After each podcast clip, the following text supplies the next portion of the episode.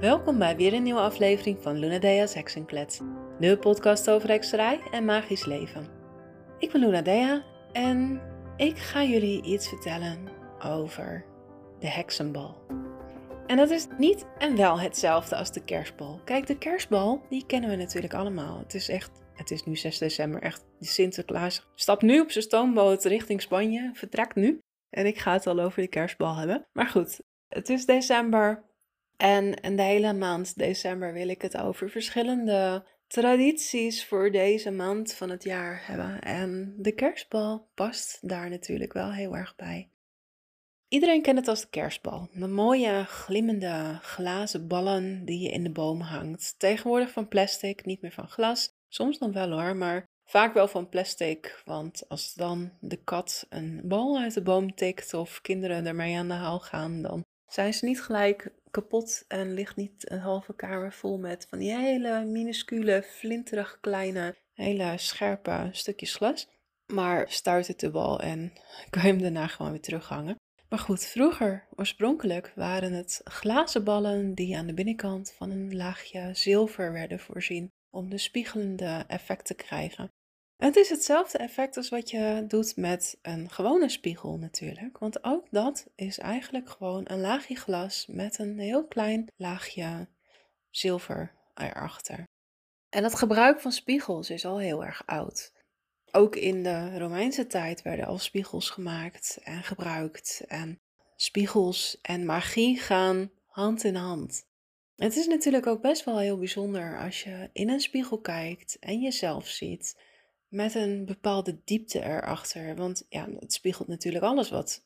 Het spiegelt jou en alles wat achter jou is. Maar het kijken in een spiegel heeft altijd al een beetje een magisch effect gehad op mensen. En de spiegelende bal is wat dat betreft ook gewoon een magisch object. Zoals een spiegel ook een magisch object is.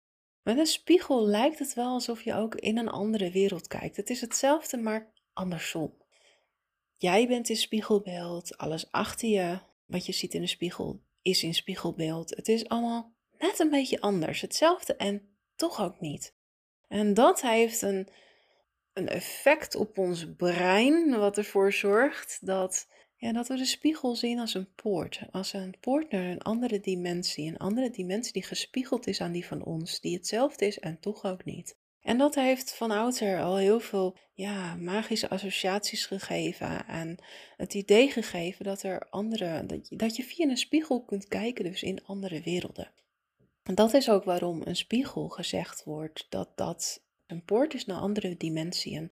En dat het beter is om een spiegel ja, zo neer te leggen dat de spiegelende kant naar beneden is, als je hem op een kaptafel legt bijvoorbeeld. Dat is ook waarom spiegels vroeger heel vaak deurtjes hadden die je dicht kon doen. En waarom er ook wordt gezegd dat er allerlei tradities zijn rondom de dood, waarbij uh, spiegels afgehangen moeten worden. Dus dat je een, een doek er overheen moet hangen, waardoor je de poort naar de andere werelden sluit. Natuurlijk is de bedoeling dat de overledene wel door een poort verdwijnt, maar dan door de juiste poort en niet door de verkeerde poorten. Nou is het niet zo dat elke spiegel natuurlijk verkeerd is, maar op dat moment, op het moment van, van het overgaan van de overledene, moet het begeleid worden naar de juiste, ja, andere kant. Dus het kijken in een spiegel heeft altijd al magische associaties gehad. En je hebt ook nog de heksenballen, de magische schouwballen, de de glazen bal. De glazen bol wordt het ook wel genoemd. Het is eigenlijk een glazen bal. En de glazen bal of de kristallenbal, die hebben ook magische associaties. Daarmee wordt gedefinieerd, in de toekomst gekeken. Kan ook met een gewone spiegel trouwens. Je, je hebt ook de manier van divinatie die schouwen wordt genoemd. Alles waarbij je kijkt in een object om een toekomstbeeld te kunnen zien wordt schouwen genoemd. En de oudste manier van schouwen is in een donkere waterplas kijken. Dat is ook de oudste spiegel, overigens. Daarna werden er ook wel donkere kommen met water gebruikt of water waar dan inkt in werd gedruppeld om het donker te maken om een beter beeld te krijgen. Later kreeg je de kristallenbollen die gemaakt werden waarin geschouwd werd en dan met name bergkristal wordt ervoor gebruikt omdat dat helder is. En nog weer later werden daar glazen bollen voor gebruikt. Die glazen bollen werden bij het schouwen niet spiegelend gemaakt, dus daar werd geen zilveren laag aan de binnenkant aangebracht, maar als amuletobject, dus afwerend object, werd er wel zilver aan de binnenkant gemaakt en het spiegelend gemaakt. En de oudste spiegelende bol is pas van 1831. Dus dat is eigenlijk nog helemaal niet zo heel lang geleden. Terwijl er soms wel wordt gezegd dat het heel oud is en veel ouder dan dat, maar dat is dus niet zo, omdat toen pas de glasblazerij in opkomst kwam. Er werd al eerder glas geblazen, maar de manier van glasblazen rond ja, begin 1800 veranderde, waarbij er uh, heter gestookt kon worden, dunner glas kon gemaakt kon worden. Toen werd er ook met gasovens en zo gewerkt. En toen pas is de eerste glazen bol gecreëerd. Door een, een Duitse glasblazer. Ene website zegt een Duitse glasblazer, de andere zegt een glasblazer uit de Vogezen. Dus dat is dan weer net Frankrijk, ter hoogte van Zwitserland. Maar in ieder geval is de kerstbal vooral, was in Duitsland vooral heel erg populair. Want die glazen bollen, die spiegelende glazen bollen, die werden gebruikt als afwerend amulet. Dat er, dat er afwerende amuletten gemaakt werden, dat was nog een beetje een overblijfsel uit alle bijgelovigheden uit de middeleeuwen en de tijd daarna, waarin er heel veel heksenvervolgingen waren. En ook dat was in Duitsland het allermeest van heel Europa. De heksenvervolgingen hebben vooral in Duitsland heel veel slachtoffers gemaakt. Dus ook in Duitsland waren er veel meer bijgelovigheden rondom het afweren van magie, hekserij, tovenarij, het uh, buiten de deur houden van heksen en dergelijke. Al die bijgelovigheden waren er veel meer in Duitsland. En dat is natuurlijk logisch als er eeuwenlang ontzettend veel vervolgingen hebben plaatsgevonden op heksen en op tovenarij. Dus het is logisch dat er dan ook heel veel afwerende amuletten en zo worden bedacht, gemaakt, gecreëerd om dat buiten de deur te houden. Om ervoor te zorgen dat je familie bij elkaar blijft. Dat er geen slachtoffers komen. Dat mensen zich niet meer gaan inlaten met hekserij, tovenarij. En heksen, tovenaars uh, niet bij jou binnen kunnen komen. Want dan kon jij niet geassocieerd worden daarmee. En dan kon jij ook niet vervolgd worden. Het afweren van heksen, het buiten de deur houden, dat werd met spiegels gedaan. En in eerste instantie waren het gewone spiegels, maar die waren heel duur. Die zette je niet zomaar buiten op je erf of iets dergelijks. Er werden wel spiegels in het raam gelegd, uh, of spiegels uh, met spiegelende kant naar de buitenmuur, om in de nacht, als je ging slapen, heksen ook buiten te houden. Er werd gedacht dat heksen ook zomaar door de muur konden lopen, zoals geesten ook dat kunnen. Dat heksen door de deur heen konden lopen. Dat ze gewoon door een dicht raam heen konden komen. Dus spiegels werden wel met spiegelende kant in het raam naar buiten gezet of tegen de muur aan naar buiten gezet. Dat was natuurlijk tweelediger, want dan had je dus niet in de nacht dat een poort open stond, want hij stond naar buiten gekeerd en niet naar jou toe. En tegelijkertijd werden de heksen buiten de deur gehouden.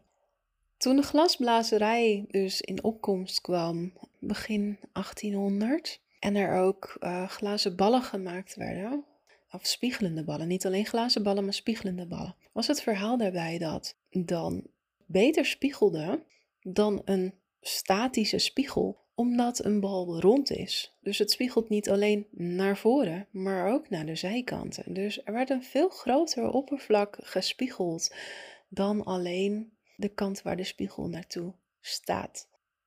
En die ballen waren kleiner en wat goedkoper en minder zwaar dan een grote staaspiegel. Deze ballen werden als ornament voor de ramen gehangen om alle heksen die aan zouden komen vliegen op hun bezem en jou eventueel kwaad zouden willen berokkenen, om die buiten de deur te houden. Die zouden zichzelf zien in de spiegel, daarvan schrikken en rechtsomkeerd maken en wegvliegen. Dat was het idee bij de spiegelende bol. Deze ornamenten werden heel erg eh, populair om voor het raam te hangen als afwerend amulet. Later werden grotere ornamenten daarvan ook in tuinen neergelegd. Uh, soms op mooie staanders, uh, soms werden ze gewoon op een uh, stok in het, van het hek ge, geprikt. Werd op een gegeven moment heel populair om vooral bij grote, chique elitehuizen van die grote glazen bollen in de tuin neer te leggen. Als object, gewoon kunst, mooi. En tegelijkertijd ook om het onheil af te weren. Deze bollen, deze heksenbollen, dat, dit is één verhaal daarvan. Een ander verhaal is dat het afkomstig is uit Engeland. Omdat daar in de kuststreken in Wales de, de schippersvrouwen de vissersnetten maakten. Aan de zijkanten van de vissersnetten, daar heb je drijvers. Tegenwoordig zijn dat gewoon van die hele lelijke oranje, knaloranje plastic drijvers. Maar vroeger waren dat glazen bollen. Niet zilverspiegelend, zoals de bollen in Duitsland, sierornamenten. En dat verspreidde zich later door heel Europa. Hè? Maar bij de Walese vissersvrouwen, de gewone vissersdrijvers, de oorspronkelijke vissersdrijvers, waren meestal groen, zodat het minder opviel op het water. Ze zijn ook wel wit en soms hebben ze andere kleuren, maar deze vissersdrijvers spiegelen een beetje, want glas heeft altijd wel een beetje een spiegelend effect natuurlijk. En het gebruik ging dat als die spiegelende ballen vervangen moesten worden in het net, dat de vrouwen ze voor het raam hingen om onheil af te weren, om via de spiegelende effect van die bollen het onheil af te weren. Omdat ze vaak alleen thuis waren, omdat hun mannen op zee aan het vissen waren. En ook best soms wel ja, weken wegbleven en ze wel beschermd wilden zijn als ze alleen thuis waren. Dat is een ander verhaal over de oorsprong van de heksenbol. Nou heb ik het de hele tijd over de heksenbol, maar vanuit het gebruik van deze heksenbol werden later ook de, deze bollen in kleiner formaat in de boom gehangen, in de kerstboom. Het idee, het, de, de oorsprong van de kerstboom is al heel oud. Het is een Germaans gebruik om in de donkere tijd van het jaar een boom uit het bos te halen en deze binnen te halen stukje voor stukje op te branden. Een spar heeft uh, heel veel hars en sap in zich, dus ook een verse spar zal, zal branden door de hars, omdat de hars brandt.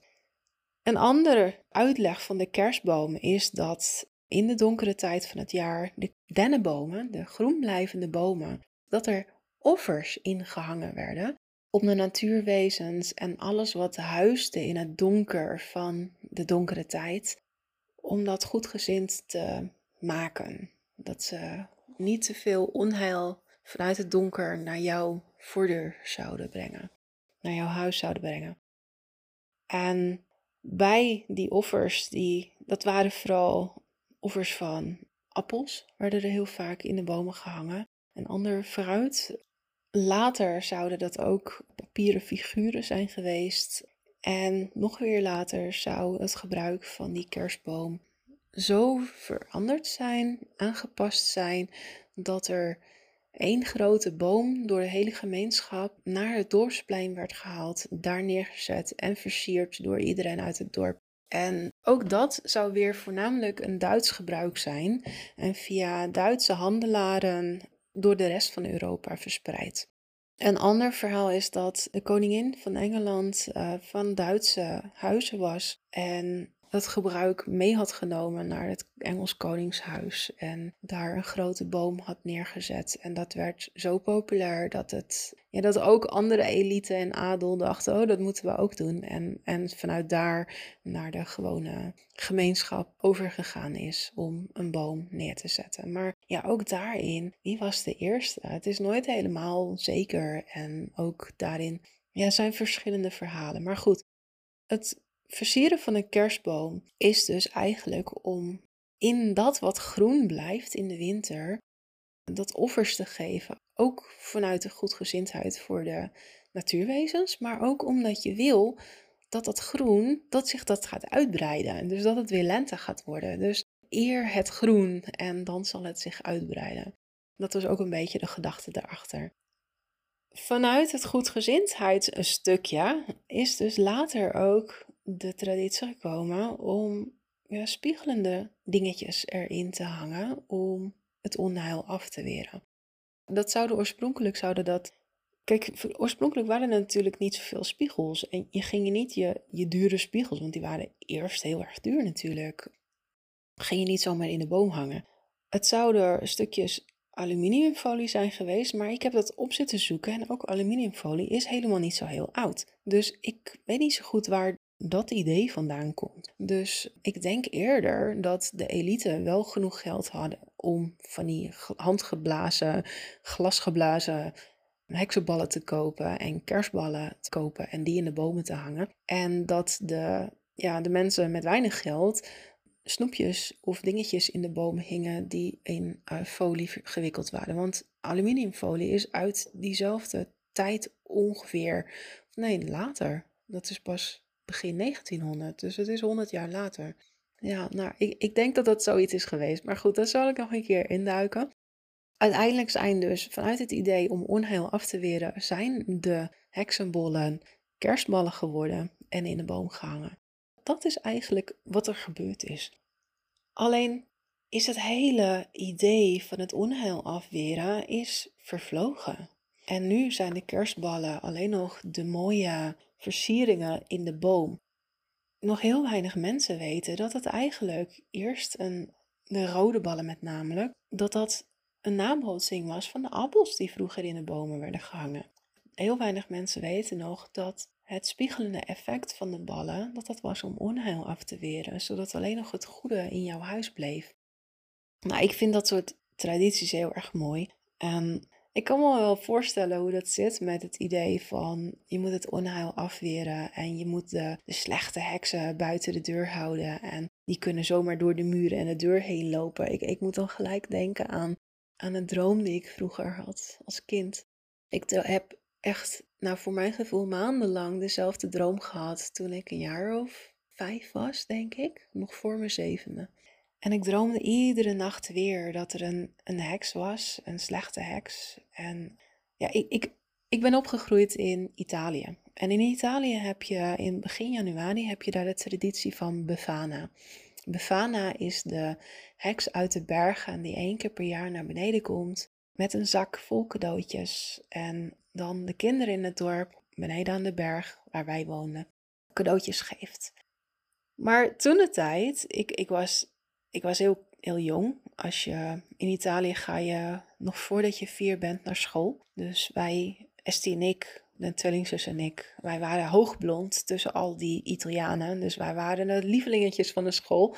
En wij werden gelijk naar voren geschoven om Befana te ontmoeten. Nou ja, wij als kind vonden dat echt doodeng. Want wij kenden alleen maar de sprookjes van de slechte heks. Dus ineens stond er daar zo'n heks voor je neus. En wij vonden het echt heel erg eng. Dus dat was mijn ervaring met een echte heks. Dus later, toen we naar Nederland terug verhuisden, mijn ouders zijn gewoon Nederlands hoor, niet Italiaans, maar ze zijn heel reisluchtig en wij zijn dus in Italië geboren en hebben daar een aantal jaar gewoond. Maar toen kwamen we terug naar Nederland en ik weet niet waarom, maar ik heb toen eer maandenlang heb ik gedroomd over die enge heks die mij kwam halen. En die heks die kon dus door de deuren heen lopen in mijn droom. Maar die droom was zo levensecht en ik kon haar niet ontlopen. Ik hoorde haar dan door de voordeur heen komen en het slot openmaken. Dus dan hoorde ik haar lachen, zo ha ha ha. En dan hoorde ik het schuiven van het schuifslotje op de benedendeur. Dat kon toen nog gewoon alleen een schuifslotje. en dan wist ik dat ze door de, door de hal heen liep naar mijn slaapkamerdeur. En in mijn droom schoof ik dan alle kasten en dingen voor die deur. Als alles wat in de slaapkamer stond. Een groot bureau en kasten en de bed en alles schoof ik uit angst voor die deur. Terwijl ik eigenlijk wel wist dat ze met een handbeweging alles weer aan de kant kon laten schuiven. Dus ik schoof om tijd te winnen alles voor die deur. Rende naar het raam toe, want ik sliep op de benedenverdieping. Deed het raam open en achter mij hoorde ik dan alles wegschuiven, die deur open gaan. En dan kroop ik door het raam heen naar buiten en dan was de droom afgelopen. En dat droomde ik maandenlang achter elkaar. Nu zie ik de symboliek ervan in dat ik mezelf niet kon ontlopen, want ik was het zelf. Ik kan mijzelf, wat ik nu ben, een heks, voorstellen aan mijn jongere zelf. Alleen toen ik jong was, was mijn beeld van een heks natuurlijk dat het een eng persoon was. Alleen je kunt jezelf niet ontlopen. Ik zie nu de symboliek in. Toen zag ik alleen in dat heks gewoon eng was en door de deuren en de muren en alles zich nergens door kon laten tegenhouden. Dus het idee dat je ook in je huis heksenballen moet ophangen om een slechte heks te spiegelen, af te schrikken en buiten te houden. Ik begrijp heel goed dat mensen vroeger dat beeld hadden en daarom dus heksenballen ophingen. Nou, ik vind het heel erg mooi dat zo'n gebruik dus nu overal nog wordt gedaan, in ere wordt gehouden. En dat je overal nu heksenballen ziet en kerststerren en pentagrammen. En ja, de kersttijd is echt zo'n tijd in het jaar waarin magie ineens geoorloofd is en iedereen er een beetje van meepikt, zonder eigenlijk te weten waar ze mee bezig zijn. Zonder eigenlijk te weten dat met het ophangen van lichtjes en kerstballen en kerststerren en zo, je gewoon heel veel hekserij en magie in je huis uh, hangt. Nou, ik vind het fantastisch. Ik hou ervan. Ik ken de symboliek wel en als ik hier door de wijk heen loop en overal de kerstbomen zie staan en de glimmende ballen en de kerststerren, dan moet ik altijd een beetje gniffelen en dan denk ik, ja, je moest eens weten. nou ja, nu weten jullie het wel allemaal. Dus um, ja, ook daarmee voeg je wat extra magie toe aan jouw leven. Ik wens jullie een hele mooie dag en dankjewel voor het luisteren en tot de volgende keer weer. Doei doei.